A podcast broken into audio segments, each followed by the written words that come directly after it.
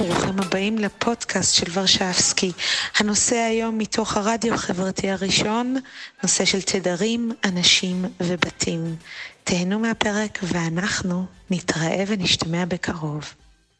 אז שלום, ברוכים הבאים לרדיו החברתי הראשון. שמי רחל ורשבסקי, אדריכלית ומתכננת ערים, והיום אנחנו נמצאים בפרק מיוחד של תדרים, בתים ואנשים, ואיך אנחנו נכנסים לרוגע, למרכז הרוגע שלנו.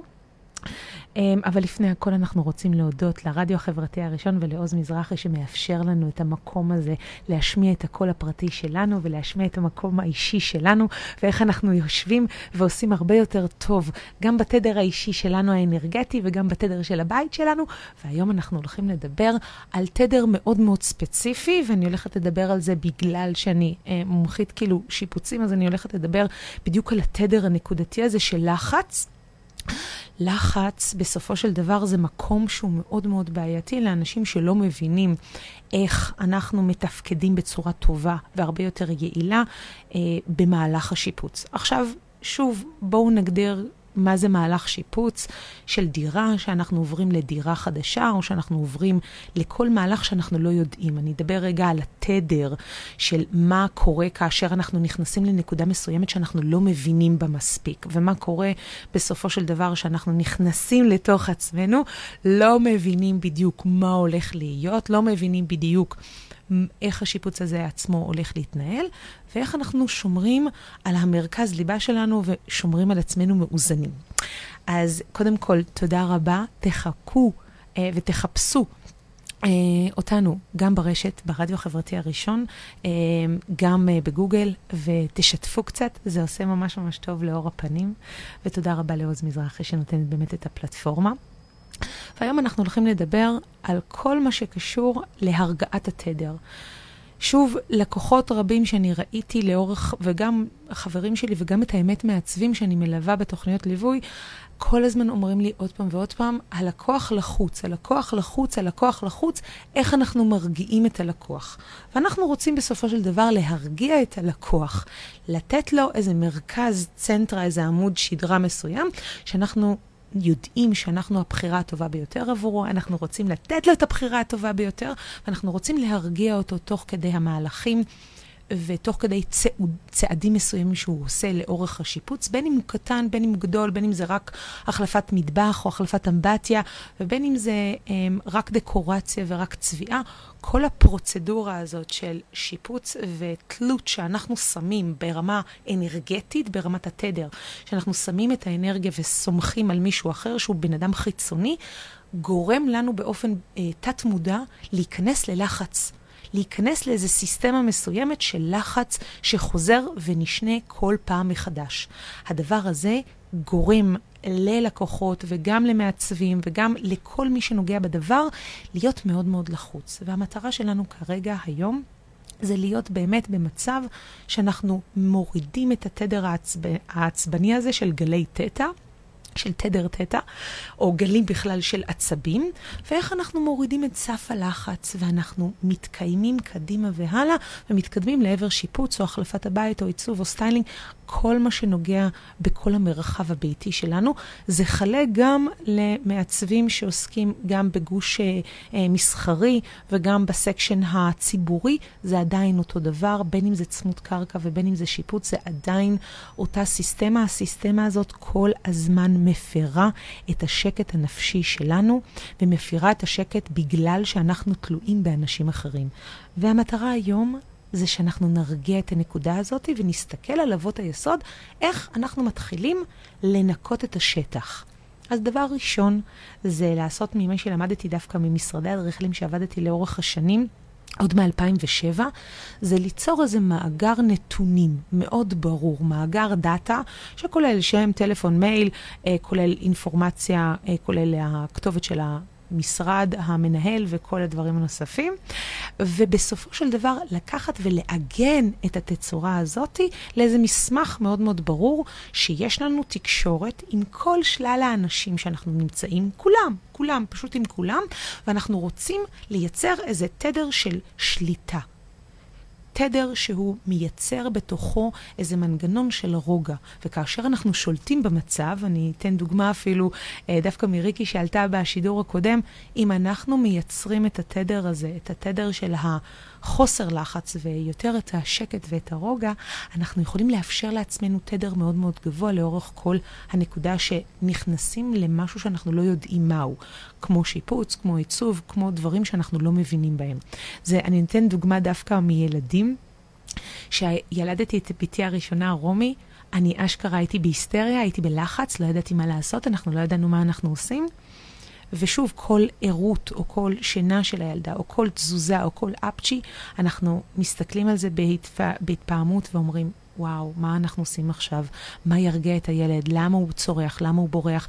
למה, למה הוא בורח לי מכאן לכאן?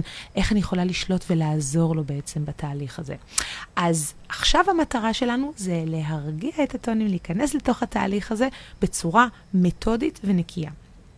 אז הדבר הראשון שאני תמיד עושה, זו רשימה שמית. הרשימה הזאת נועדה לא רק בשביל לסדר לעצמנו את מי האנשים הפועלים ויגעו לנו בעצם במרחב הפרטי שלנו ובמרחב הבית, אלא גם להבין מי סט האנשים שהולכים לעשות את זה. אם סט האנשים האלה הם אנשים שמתאימים לנו, אז התדר שלנו יהיה הרבה יותר נעים ויהיה לנו יותר נעים לתקשר איתם. אבל אם התדר יהיה הרבה יותר נמוך, ואנשים בסופו של דבר לא יהיו בתדר האנושי שלנו, או בסט הערכים שלנו, בסט הערכים האנושיים שלנו, יהיה לנו מאוד קשה לתקשר עם אותם אנשים. ואז בסופו של דבר, עמוק עמוק בפנים, יהיה לנו מאוד קשה לתקשר את מה שאנחנו רוצים. וגם אם לא ידענו מה לתקשר, היי, וגם אם לא ידענו מה לתקשר, בסופו של דבר אנחנו נמצאים במצב של דיסוננס. הדיסוננס בין מה שאני רוצה להגיד לבין מה שהבן אדם שעומד מולי, והדיסוננס אה, גורם.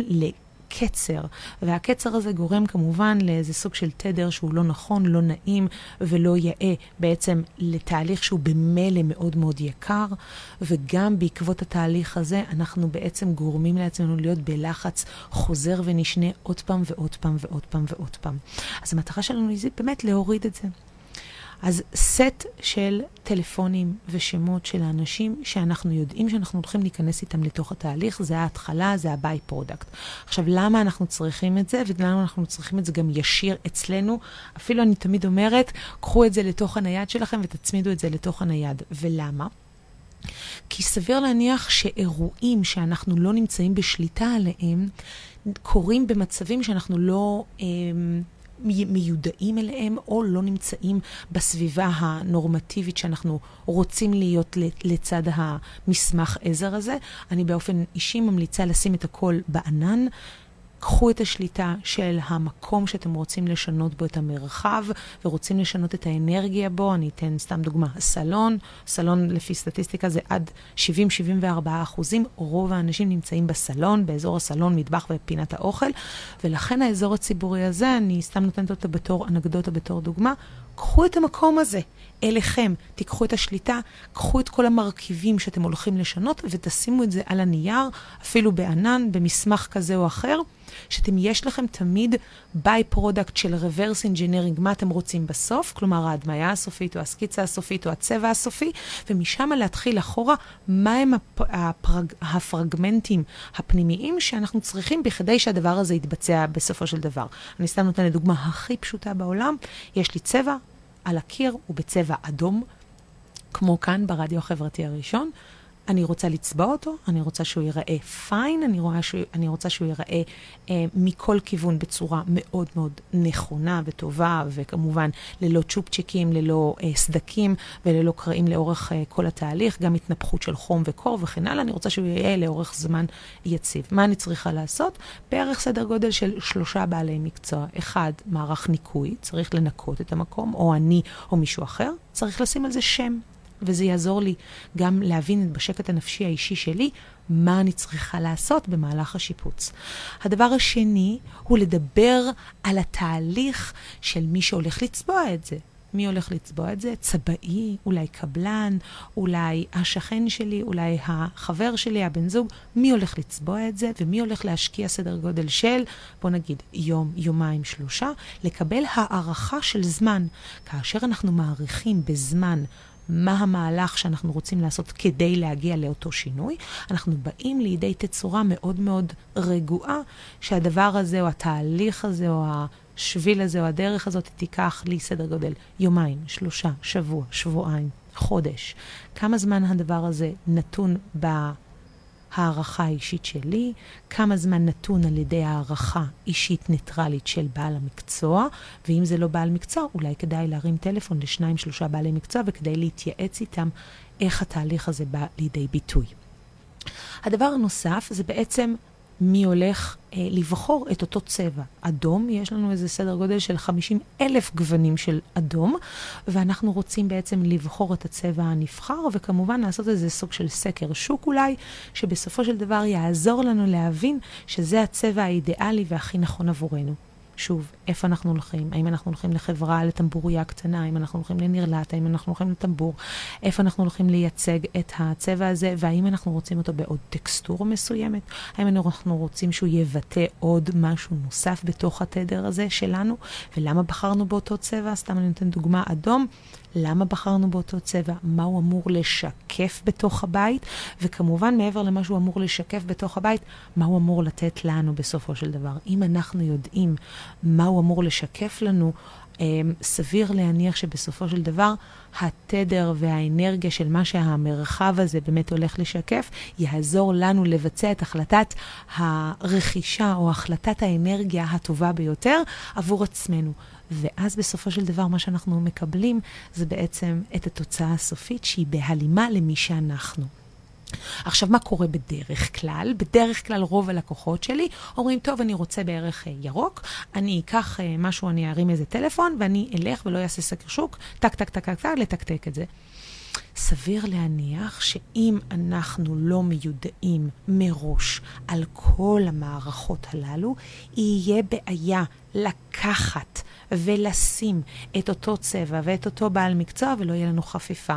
חוסר חפיפה וחוסר הלימה למי שאנחנו או לבעל המקצוע בהתאם לפנטזיה או לחלום שלנו, מביאה אותנו לתצורה, אני מצטטת דווקא את טוני רובינס, שתמיד אנחנו נמצאים בין הכאב לבין החלום. סיסטמטית, אנחנו רוצים להיות בתוך החלום, ואל תוך הדרך של החלום יש מערכי כאב נוספים שאנחנו או נמנעים מהם, avoid from, אה, או away from.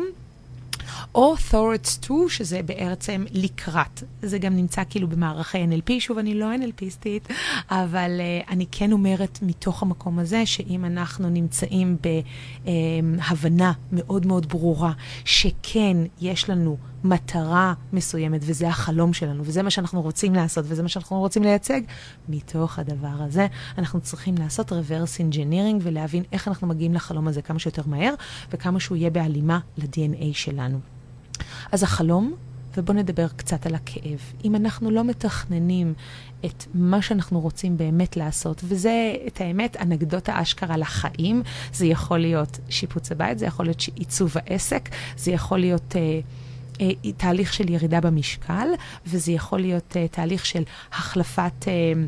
אה, תדרים מסוימים של uh, uh, בתים, או שזה יכול להיות גם דברים ותצורות עמוקות יותר של מי שאנחנו ומה שאנחנו בתוך החיים, ומה אנחנו רוצים ומה התהליך שאנחנו רוצים לעשות. אז בסופו של דבר, אם אנחנו נמצאים במצב של בחירה, של חלום מסוים, ויש לנו, אנחנו יודעים שיש לנו איזה כמה נקודות של כאב, אנחנו צריכים להיות חכמים מראש, מה שנקרא, אני מאוד אוהבת להגיד את זה, reverse engineering, לדעת. נקודתית, איך אנחנו מונעים את, הדר, את הכאב עצמו לאורך כל התהליך. איך מונעים את זה?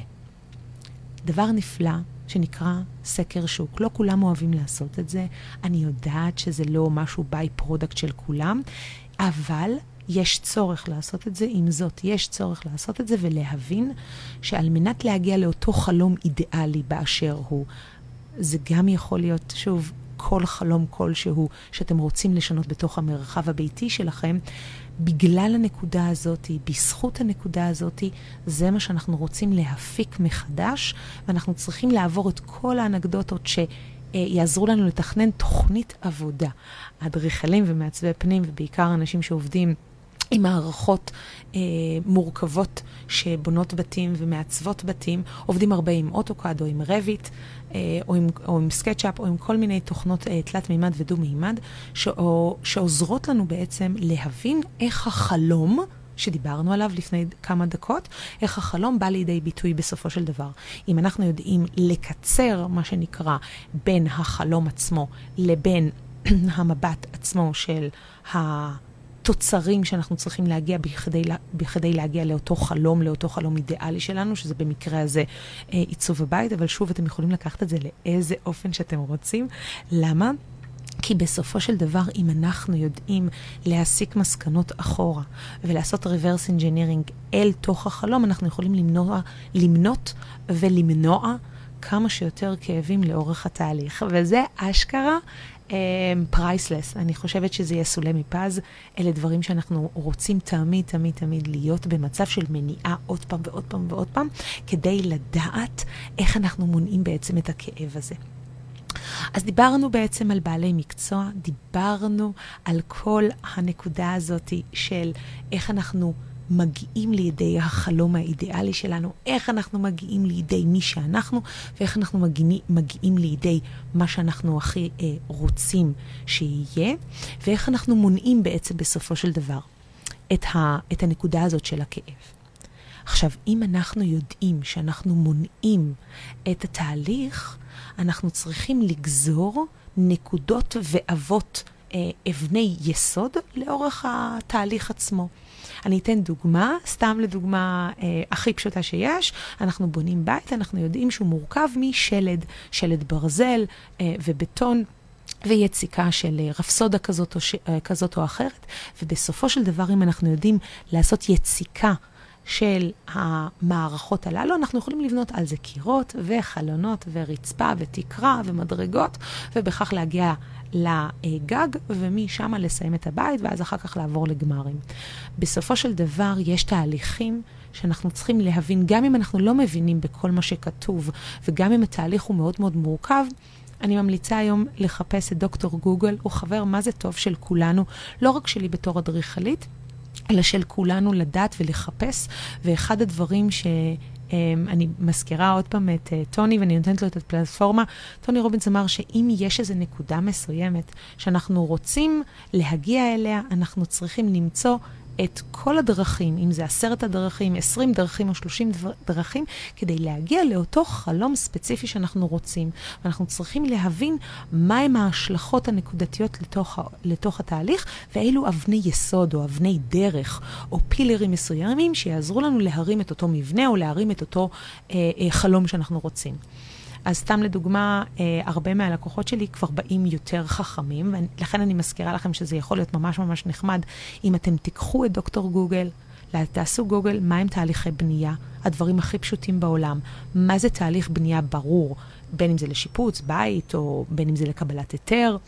בין אם זה לקבלת משרד, בין אם זה לקבלת טופס 4, אה, חשמל, שינוי אה, ארון חשמל וכן הלאה וכן הלאה וכן הלאה. כל הדברים האלה מצריכים מחקר ממש ממש קטן. אני יכולה להבטיח לכם שתוך שעה מתוך תחילת התהליך והחיפוש שלכם, אתם תהיו במקום שונה לחלוטין. לכו, תעשו גוגל, תבדקו מה המערכות הללו. מתוך המערכות הללו תוכלו להבין, יש היום... כלי עזר פנטסטיים, גם להבנת תקציבים וגם להבנת uh, מסלולים של איפה אתם רוצים להיות, וכמובן המסלול עצמו, איפה הוא צריך להיות לפני ומה אתם צריכים להכין מבעוד מועד, בכדי שוב להגיע לאותו חלום אידיאלי של אותה uh, דירה או אותה... Uh, יחידה שאתם רוצים לשפץ, לעצב מחדש או לשנות בה את התדר האנרגטי או את העיצוב או מה שזה יהיה. ואז בסופו של דבר אנחנו נמצאים עם סט כלים של שני מערכות מחקריות. אחד זה דאטה מהאנשים שאנחנו רוצים. שיהיו בתוך התהליך הזה ולבחור אותם בקפידה.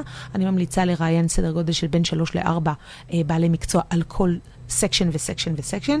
אני רק אסבר לכם את האוזן שבבנייה חדשה יש section בערך של בין 40 ל-50 אנשי מקצוע שונים בממוצע.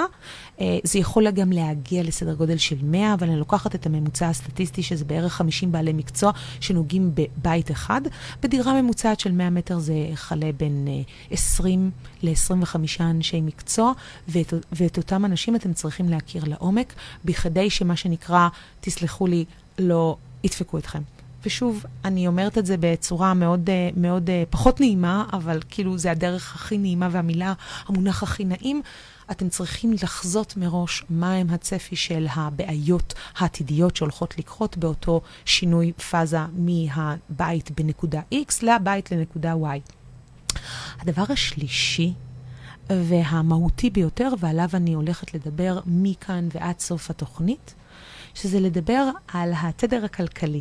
התדר הכספי, או בכלל הלחץ הכלכלי והלחץ הפיננסי שאנשים נמצאים, ובסופו של דבר להבין שאם אתם לא מתכננים בצורה מסודרת מה יהיה התקציב שלכם ומה גבולות הגזרה, אתם לא תוכלו לחזות מראש מה יהיה השיפוץ ומה יהיה עלות השיפוץ, גם אם אתם הכי גרועים, גם אם אתם בלונדינים, גם אם אתם לא מבינים במספרים, גם אם אתם לא מבינים באקסלים. לעשות מחשבון פשוט וחישוב פשוט, הערכה גסה, ולהבין מנעד כולל נקודת בלטם וכולל אה, סטייה של תשוקה או אהבה אמיתית נקודתית לאותו אה, חפץ או רהיט או צבע או גמר מסוים שאנחנו נורא התאהבנו בו. אני אתן דוגמה, שיש, תמיד תמיד הלקוחות שלי אומרים, טוב, ניקח שיש כזה מהמם, הורס, אה, טרוורטין מדהים, ואז אנחנו מגיעים לחנות ה... אה, למפעל או לחנות השיש, אם רואים את הדוגמאות אה, ומסתכלים בסופו של דבר על כל המעטפת. ואז, ואז אנחנו באים לאותו איש אה, נציג אה, ככה מכירות שיעזור לנו, אה, בן אדם שמומחה באותו שיש, ואז הוא בא ואומר, טוב, זה 6,000 למטר מרובע, וכמובן שזה למטר מרובע לא כולל כמובן איקסים של חטים וכל מיני פינות, שעליהם אתם משלמים כפול. ואז רוב הלקוחות שמסתכלים ככה, עם עיניים ככה גדולות, גדולות, גדולות, מסתכלים אליי ואומרים לי, מה את זה את לא אמרת? למה לא אמרת לנו על תרוותין? ואני אמרתי, יש מנעד, והמנעד הזה חייב להיות, חייב להיות בסופו של דבר באמת מהמקום של הבחירה שלכם. מה החלום ומה המנעד הכלכלי. יש חלומות פנטסטיים, ואני קוראת להם חלומות באספניה, ויש מה שנקרא ציפיות אינסופיות, אבל הן נשארות על הכריות, והן לא נשארות בעצם במציאות. ואתם צריכים להבין בסופו של דבר, שאם אתם לא לוקחים את המנעד הזה ומבינים איך אתם מגשימים מנקודה X לנקודה Y את החלום האישי שלכם, סביר להניח שבסופו של דבר יהיה לכם מאוד מאוד מאוד מאוד קשה לקחת את לתוך החלום הזה ולהגשים אותו. ואז בסופו של דבר אה, רוב הלקוחות אה, אומרים, טוב, נלך על שיש כזה או אחר, שיש קיסר הקלאסי, נלך על מהדורה, אה, לא יודעת, שתיים או שלוש, הסטנדרט יותר, או אולי ארבע אם אנחנו זה, או נחסוך בדברים אחרים. ולכן, אם הייתם עושים לפחות את הצעד הנקודתי הזה ולהבין, האם אנחנו רוצים לרכוש מסין, או האם אנחנו רוצים לרכוש מחו"ל, אם אנחנו רוצים לרכוש מהארץ, מה ההיבטים הכלכליים של כל אחד מהם. תוכלו להסיק מסקנות הרבה יותר אה, נקודתיות על תוך העסק שלכם ועל תוך ההבנה שזה באמת עסק, זה אשכרה שיפוץ, זה אשכרה עסק, וזה עסק לכל דבר ועניין. אם אתם לא יודעים לנהל את זה עסקית, ממש בצורה נכונה, עם גאנט אה, כלכלי לחלוטין, כל הדבר הזה לא הולך להתממש. וגם הולך, הולך להיווצר פער מאוד מאוד מאוד מאוד גדול, עצום, שיפנה בעצם אתכם להיות בתדר מאוד מאוד שלילי, יעזור לכם בעצם להיות הרבה יותר בלחץ, ולא יקדם אתכם לעבר החלום שלכם. ואז כאן יש איזה בעצם, שוב, דיסוננס שחוזר על עצמו עוד פעם ועוד פעם ועוד פעם. צריך להיות מאוד מאוד ברורים, ואני רואה את זה גם בתוכניות ליווי שלי, אני רואה את זה גם ב... עם שיפוצים עם לקוחות, גם בפגישות ייעוץ אפילו. ואז אני אומרת ללקוח, תקשיב, וזה הגיתי, אני חושבת, לפני איזה שמונה שנים, להבין שבעצם תקציב הוא מנעד של שלושה תקציבים. וכאן אני הולכת בעצם לאחד, מי שמכיר אותי יודע, תלת אלטרנטיבי, ובאמת אה, בעקבות אה, ספר פנטסטי של אה, פרופסור דן אריאלי, לא רציונלי ולא במקרה, ממליצה לכולם לקרוא את זה, על הפסיכולוגיה שקיימת מאחורי החלטות, בכלל, החלטות הרכישה שלנו. אני אוהבת מאוד לדבר על הספר הזה. אחד, כי קראתי אותו איזה ארבע פעמים. שתיים, אני מדברת עליו אין ספור, וגם דן אריאלי הוא באמת פנומנה, אני אתייג אותך, מתים עליך, אוהבים אותך, דן. דן אריאלי בעצם מדבר על זה שיכולת הבחירה שלנו היא בחירה שנובעת מכמה פרמטרים ממה שמציעים לנו. ואז אני תמיד נותנת את הדוגמה, אם אני מציעה משהו אחד שהוא גולמי, למשל שיש טרוורטין, אז זה מצוין, ויכול להיות שאני לא אבחר בו, והסיכוי הוא בין 1 ל-0, וזהו, זה 50, זה או כן או לא. כאשר אני באה עם מצב של עוד בפגישות הייעוץ שלי, עם, אה, אה, זה לא פגישות ייעוץ, זה פגישות דיאגנוסטיקה, זה יותר אבחון בכלל, להבין את המדד אם לקוח בכלל ראוי לעבור את הפגישת דיאגנוסטיקה ולהתקדם בכלל לשיפוץ. אז בתוך פגישת הדיאגנוסטיקה אנחנו יושבים ומבררים בעצם איך... הדיאגנוסטיקה של התקציב באה לידי ביטוי. הדיאגנוסטיקה יכולה לבוא לידי ביטוי בסופו של דבר, אחד, באמצעות תקציב כלכלי, שתיים, באמצעות הבנה של מנעד, אה, מנעד בין X ל-Y, ושלוש, הלימה לתוך החלום. או במילים אחרות, שמאל, מדיום ולארג'. ואם אנחנו יושבים ומדברים על המצע הזה ומדברים על המערכת הזאת בשלושה פרמטרים שונים ונותנים את הממשק הזה, שהממשק הזה בא לידי ביטוי, אחד, בתקציב מאוד מאוד דל או מאוד קטן או מאוד פיקולו, תחשבו כמו שאתם נכנסים לבית קפה, שותים אספרסו. אתם יכולים לשים לצד זה עוגייה, ואז אתם יכולים להפוך את זה גם להפוך. אז זה מהמם. היי עליזה, מהממת שלי, מה שלומך? ואם אנחנו נותנים את המנעד הזה, ונותנים את המנעד הזה של small, medium ו-large, יש לנו מנעד מסוים של הבנה מה החלום אל מול מה המציאות. שוב, אני לא מדברת על מה שנקרא תקציב ללא, תקציב ללא הגבלה, אה, תקציב בלתי מוגבל, כרטיס אשראי פתוח, לכי, תסלקי, תעשי כמה שאת רוצה. סביר להניח 99, ואני נותנת את זה כי כמה עשיתי גם פרויקטי יוקרה, 99.9 מכלל הפרויקטים שעשיתי, כולם, כולם היו עם תקציב. תקציב קטן, תקציב גדול, תקציב עמידה בלוחות הזמנים, תקציב עמידה בלוחות, ב, ב, בלוחות ה... אמ, הכלכליים ואיך אנחנו יכולים להביא את הכסף בכלל לשיפוץ, עמידה אה, במערכי אה, השוואה בין X ל-Y, אה, בין כל מיני אה, חומרי גמר כאלה ואחרים, בכדי להגיע לאותה תוצאה, כביכול להגיע לאותו חלום, לאותו מסך זה שאנחנו רוצים מאוד שהוא יהיה. ואז בהלימה לזה אנחנו יכולים להבין את מפת הדרכים המלאה. כדי להבין את מפת הדרכים המלאה, צריך להתחיל באמת בפירוק הזה שדיברתי עליו בהתחלה. פירוק הפרגמנטים של איך השיפוץ נראה מההתחלה ועד הסוף. בין אם הוא מתחיל בשמאל, בין אם הוא מתחיל במדיום ובין אם הוא מתחיל בלארג', הוא צריך להיות מורכב מאיזה מנעד מסוים. ועכשיו, רוב הלקוחות באים אליי ואומרים לי, טוב, רוחלה, תקשיבי, חיסלת לי את החלום, כל החלום הלך פייפן, אני לגמרי לא מבין איפה תצורת החלום ומה בכלל זה נוגע לחיים שלי, ביאסת לי את הטוסיק. ואני אומרת, לא, למה ביאסתי? למה? זה, זה לא לבאס, זה לדבר על זה שאנחנו יודעים שיש לנו תקציב מסוים לאותו אה, פרויקט, וממנו אנחנו מתחילים לגזור האם זה יהיה בהלימה או לא בהלימה. ואני אתן דוגמה שרוב הלקוחות שלי ממש בוחרים בזה, ותמיד, אה, וזה תמיד נופל או קם על הדבר הזה, שזה המטבח. מטבח זה מטבח ואמבטיה. אבל פחות אפילו באמבטיה, אבל גם אמבטיה ומטבח הם שני הסקשנים היותר יקרים בתוך, אה, בתוך הבית. ושאני, כאילו, שוב, יש גם את הקבלן, שהוא פקטור בלתי... אה, בלתי נמנע בתוך התהליך המאוד מאוד uh, יקר של שיפוץ. אבל אם אני לוקחת רגע נקודתית רק את הנקודה של המטבח ושל האמבטיה, אנחנו רוצים בעצם לגלות את התהליך הזה עוד מבעוד מועד.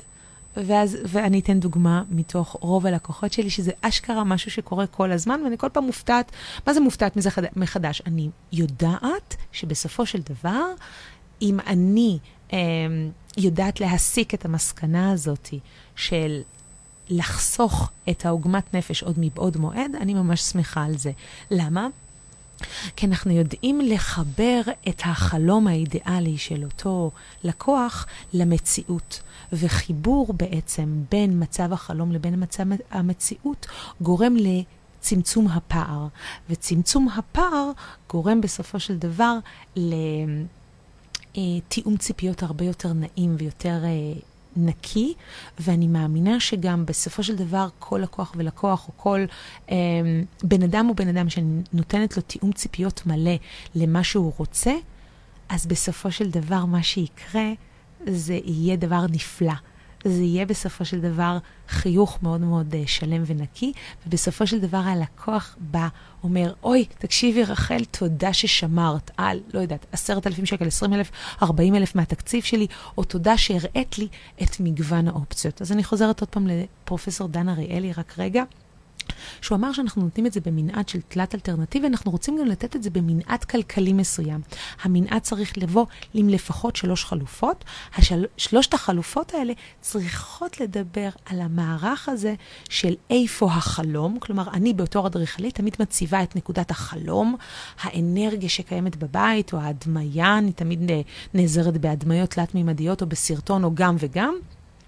מראה את החלום האידיאלי, בוחרת איזה סט אה, אה, חומרי גמר שהם אה, תואמים לאותה הדמיה, אם זה פוטו-ריאליסטי ובין אם זה בסיסי, אני תואג, תמיד דואגת שהשולחן יהיה מלא בטקסטורות, בחומרים, בכדי שאני אוכל לתקשר את מה שאני רוצה עם חומר וגם עם הדמיה אה, דיגיטלית שיושבת על, אה, על המסך של המחשב שלי.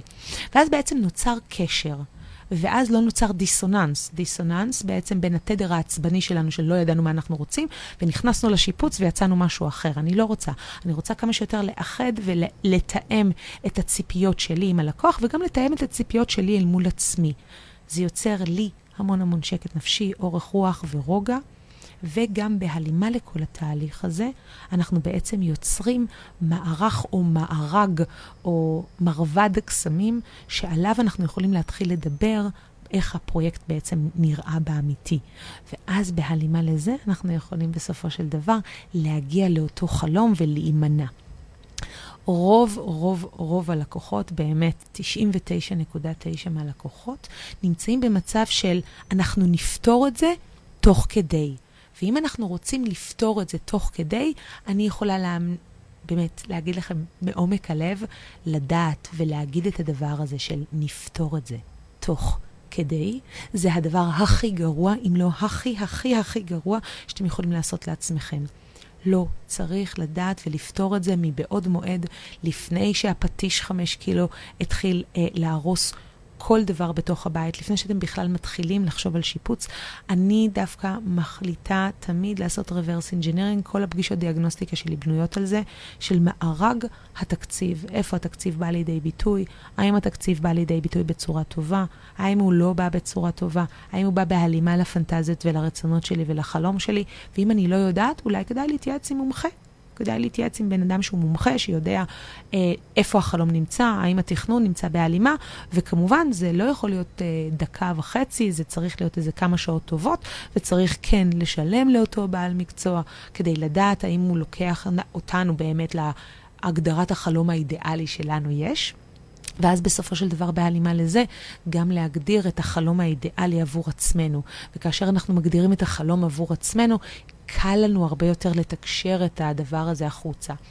הרבה מהאנקדוטות האלה, וזה אנקדוטה מספר 4, שאני יודעת שרוב האנשים באים ככה, ואולי משייטים באינטרנט או מחפשים בכמה אפליקציות, מה הם היו רוצים ואיפה הם היו רוצים, ויכול להיות שהם רוצים איזה משהו ספציפי מבחינת סגנון או הוויה, ולא מהדקים את זה ולא מדייקים למען הרצונות האישיים שלהם.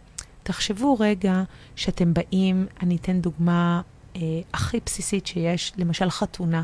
חתונה יכולה להתנהל בכמה מישורים. היא יכולה להיות אקסטרווגנטית, חיצונית, מטריפה לאללה, והיא יכולה להיות משהו יוצא מגדר הרגיל, אה, גם בתקציב הרבה אה, פחות אה, נמוך ממה שאנחנו חשבנו, היא יכולה להיות מטורפת, איזה 100, 200, 300 אלף שקל, יכולה להיות גם להיגמר גם ב-50 אלף שקל או ב-20 אלף שקל, זה פשוט לדעת לבחור את בעלי המקצוע הנקודתיים והטובים ביותר. אם אנחנו יודעים לבחור אותם מבעוד מועד, התהליך הזה, ההבניה הזאתי, צריכה להיות מוגדרת מראש על ידי תיאום הציפיות בין מה שאני רציתי שיקרה בסופו של דבר, בסופו של השיפוץ, לבין ההדמיה והתקציב והמנעד של בעלי המקצוע. וחייבים להבין שדווקא בגלל ששיפוצים וכל המנעד של עיצוב זה משהו שאנחנו נוגעים באנשים בסופו של דבר, אנחנו חייבים לדעת שבן אדם שנכנס איתנו לתוך הפרויקט צריך להיות באותו תדר שלנו, צריך להיות באותה תקשורת, והוא צריך להיות בהלימה למי שאנחנו ומה שאנחנו רוצים לספק עבורו, ואיך הוא יתקשר את זה בצורה הטובה ביותר, ואיך אנחנו נתקשר איתו בצורה הטובה ביותר. אם אנחנו לא נדע לתקשר עם אותו, עם אותו בן אדם, שזה לא משנה אם זה אה, לקוח, ספק, זה באמת לא משנה, אנחנו רוצים וצריכים להגדיר איזו התחלה למערכת היחסים ולדעת איך למנוע משברים עתידיים, כי סביר להניח שיהיו משברים, בין אם הם קטנים, קטנים, קטנים, קטנים, ובין אם הם גדולים, גדולים, גדולים. כל המהלך הזה חייב לבוא כי אנחנו אנשים, בסופו של דבר, בצורה אנושית, בצורה נעימה, בצורה רכה, בצורה טובה. לכן אני באופן אישי, מתוך המקום וה... תמיד אני אומרת, מי שנמצא איתי כאילו במעצבים הצלחה מכיר את המושג הזה. אה, הרבה מהאדריכלים והמעצבים שעוברים את התהליך אומרים, אוקיי, רחל, אז איך אני מונעת את זה? ואז אני אומרת, אני מונעת את זה על ידי הצלקות, ואז אני תמיד מראה את הצלקת כאן, שעלתה לי איזה 40 אלף שקל. היא הצטמצמה ל-20, אבל עדיין זו צלקת של איזה 40 אה, אלף שקל. ובסופו של דבר, אני אומרת תמיד על הצלקות שלי, מה שיש לי כאן בצד שמאל, שתמיד מזכיר לי ביד את הצלקת הזאתי, מה אני צריכה למנוע ואיך אני יכולה למנוע את זה. דרך פנטסטית היא לדעת לכתוב את הדברים מראש. אני אומרת את זה ברמה העסקית, זה הצעת מחיר שאי אפשר לסרב לה, או לחילופין, חוזה מאוד מאוד מסודר, או לחילופין, הצעת מחיר מאוד מאוד מדוקדקת ומדויקת. מה קורה בכל שלב? אני יודעת שאנשים תמיד שומעים על הדבר הזה של הצעת מחיר שאי אפשר לסרב לה. אני יודעת שאני מדברת על זה אין סוף, אין סוף, ובאמת אין ספור פעמים, בגלל הדבר הזה שנקרא תיאום ציפיות אל מול האנשים. ואם אנחנו לא נמצאים בהלימה לתיאום הציפיות, ואם אנחנו לא נמצאים בהלימה למה אנחנו רצינו, ואנחנו לא, אנחנו בעצם יוצרים את הניתוק הזה בין החלום, ויוצרים איזה מהלכים וכל מיני אנקדוטות של כאב, עד שאנחנו מגיעים לאותו הגשמה של חלום. במקום למנוע את זה מראש ולהגיד, אוקיי, אני מונע את זה מראש, אני מונע את התהליך ואת הכאב הזה מראש, ואני יודע להגדיר את, בסופו של דבר, אה, להגיע לאותו אה, אה, חלום אידיאלי, קסום, אה, בריח גן עדן אה, ובניחוח ורדים, שבסופו של דבר יביא אותי למה שאני אה, רוצה או רוצה, אבל בניתוק של כל הכאבים שנמצאים בתוך התהליך. והדבר הזה הוא כל פעם חוזר ונשנה, חוזר ונשנה עוד פעם ועוד פעם ועוד פעם, אם אנחנו לא יודעים לחבר בין מצב החלום לבין מצב הכאב ולתקשר עם אותם בעלי מקצוע. בסופו של דבר, כדי לסכם את כל התהליך הזה של איך אנחנו יוצרים תדר מאוד מאוד חיובי ותקשורת מאוד חיובית, אז אני אמנה בעצם את כל הנקודות שמניתי עד עכשיו. אה, כדי שתוכלו לשבת ולרשום את זה ולהבין, בין אם אתם מעצבים, בין אם אתם משפצים או עומדים לשפץ בשנה הקרובה, ובין אם אתם חושבים אפילו, אתם אפילו סטודנטית, סטודנטים אה, לארכיטקטורה או לעיצוב פנים, קחו, תרשמו את זה, תבינו בהטמעה עמוקה שבסופו של דבר, אם אתם לא יושבים על איזה פן מסוים של הבנת מפת הדרכים, מה הנקודה שאתם מתחילים ומה הנקודה שאתם מסיימים איתה, ואיך אתם מנגישים את זה לעצמכם, בין אם אתם מעצבים, בין אם אתם לקוחות כזה, זה באמת לא משנה, מה הגדרת החלום האידיאלית, בכדי שהתדר שלכם יהיה מחובר הרבה יותר בצורה טובה. אחד, שתיים, ממש אני אוהבת להגיד את זה, זה עוזר מאוד לאור הפנים למנוע את הטעויות ואת הפחד הזה, את הפחדים הללו, ותוך הפחדים הללו אנחנו רוצים בעצם לשבת ולהגדיר את החלום האידיאלי עבורכם. הייתה לי שיחה היום בבוקר, אני רוצה לתת את זה בתור אנקדוטה, הייתה לי שיחה היום שלא קשורה. אה, מישהי שרוצה להיכנס אה, לאחת מתוכניות הליווי שלי, והיא אמרה, אני מפחדת. ואז אמרתי לה, ממה את מפחדת? ואז היא אמרה, אני מפחדת שאני לא אדע איך להגיע לזה. ואז ישבנו איזה, בערך אה, בשיחת הטלפון, איזה חמש, עשר, רבע שעה, משהו כזה. והגדרנו את ההגדרות שאנחנו רוצות להיות בהן עוד שנה. וממש מנינו מה אנחנו צריכים לעשות. האם אנחנו צריכים לעשות uh, דף נחיתה, האם אנחנו צריכים להקים אתר, האם אנחנו צריכות לעשות עשר שיחות ביום, שלוש שיחות ביום, בכדי להגיע לאותו מספר ש, שהגדרנו. ואז היא באה והיא אומרת לי, את יודעת, ב- בסוף הרבע שעה או משהו ששוחחנו, זאת הייתה שיחה טובה. אני אמרתי לה, כן, זאת הייתה שיחה טובה. היא אמרה, את יודעת למה זאת הייתה שיחה טובה? נתת לי ביטחון, והראית לי שלב אחרי שלב איך אני מגיעה לאותו נתון X שאני רוצה להגיע אליו. אז אמרתי, נכון, כי פשוט ישבנו ורשמנו את זה. רשמנו את הדברים הנכונים שאנחנו רוצים להגיע, ומנינו את כל האמצעים הנוספים. למשל טלפון, למשל שיווק, למשל הגדרת הצעות מחיר, למשל הגדרות uh, משפטיות כאלה וכן הלאה, שעוזרות לי בעצם להגיע לאותו חלום. אז בואו נמנה את הדברים שאני מניתי עם אותה בחורה מקסימה היום בבוקר, ואני אמנה לכם גם. אז הדבר הראשון, אנחנו אמרנו שאנחנו רוצים צ'קליסט מסודר של כל בעלי המקצוע. הדבר, ושוב, שם, טלפון, מייל, כמה שיותר פרטים בכדי להגיע לאותו בן אדם, וכמובן לקבל המלצות. אני ממליצה לעשות חתך בין שלוש לארבע אנשים. הדבר השני זה להגיע בעצם להבנה מה החלום שלי ומה ה... צעדים שאני צריכה להגיע. כלומר, לבחור בצורה מסודרת ומדויקת מה הדברים שאני רוצה להגיע אליהם ומה הדברים שאני לא, ואני לא מעוניינת שהם יהיו בתוך התהליך. הדבר הנוסף שאני רוצה שיקרה זה בעצם לעשות הגדרת תקציב או אקסל מאוד מאוד מסודר, שבתוך האקסל המסודר הזה, בכל, בתוך האקסל הספציפי הזה, אנחנו נוכל להבין מה המהלך של אותו בן אדם שבא ומדבר איתנו, ובסופו של דבר ליצור את ההלימה הזאת, ליצור את המערך הזה ביני ובין הלקוח, תקשורת מאוד מאוד נעימה, או בינינו לבין עצמנו, גם אם אין לנו מעצב, או בין, אם אין לנו אדריכל, אז אנחנו רוצים בסופו של דבר למנוע את התצורה הזאת ולהבין איך הלקוח בעצם מדבר איתנו. שלנו ואיך אנחנו מדברים עם עצמנו. והדבר האחרון זה ליצור איזה מערך של נקודות של הצעות מחיר או חוזים או דברים שהם מה שנקרא מאוד מפורטים, משפטים, מהלכים. אני לא משפטנית, אני לא עורכת דין, יש לי חברות עורכות דין. זה צריך להיות מאוד מאוד ברור מה יקרה במקרה של, מה יקרה במקרה ש, מה יקרה במקרה שקרה ככה, ומה יקרה במקרה שקרה ככה. לדעת ולצפות את כל התהליכים, מאלף ועד תף, ברמה חוזית, ברמה משפטית, ברמה תועלתית, ברמה של כאבים, ברמה של להבין מהי מפת הדרכים שאתם הולכים לגעת בה.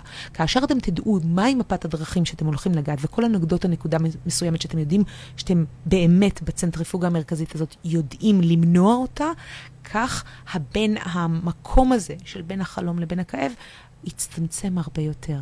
ואז בהלימה לדבר הזה, אתם תוכלו להגשים את החלום האידיאלי שלכם. החלום שכולו, שנופל בחובו את המערכת של תדר ובית, ובסופו של דבר כולנו בני אדם, אז גם אנשים. שמחתי להיות איתכם ביום חמישי זה. אני חייבת, מעיפים אותי כאן מהאולפן עוד שנייה. אם אתם אה, אהבתם את הפרק, תשתפו אותו, זה טוב לאור הפנים, או תכתבו לי כאן למטה בתגובות מה הייתם רוצים לשמוע בפרקים הנוספים. בשיעור, אה, בפרקים הנוספים שאנחנו ניפגש בימי חמישי הבא, יהיו גם, אה, לא חמישי הבא, אבל הבא הבא, אה, אני אתחיל להביא לכאן אורחים מאוד מאוד מיוחדים. כל אחד מיוחד בתחומו. אה, וכל אחד ייחודי בתחומו, ואנחנו הולכים לפרוץ אה, תדרים נוספים של מה אנחנו חושבים על בתים, על אנשים, ובעיקר, בעיקר על האנרגיה שקיימת בתוך המרחב הקיומי והאומנותי שלנו, ובכך אנחנו הולכים להרחיב את התדר לתדר הרבה יותר גבוה. אני הייתי רחל ורשבסקי, אני אה, אדריכלית, ואני אשמח מאוד מאוד מאוד מאוד לשמוע מכם מה אתם חושבים על הפרק ואיך זה עשה לכם טוב לאור הפנים. אנחנו נתראה כאן בכל יום חמישי בשעה שתיים בצהריים. תישארו איתי, ועד אז שיהיה לכם סוף שבוע נפלא וחג חמישי שמח. שמחתי להיות איתכם. ביי. זה היה הפודקאסט של ורשבסקי בנושא תדרים, אנשים ובתים. הצטרפו אליי שבוע הבא. לעוד פרק מהרדיו החברתי הראשון. ועד הפעם הבאה חפשו אותי ברוקסארק.קום או רחל ורשבסקי ברשת. נתראה. ביי.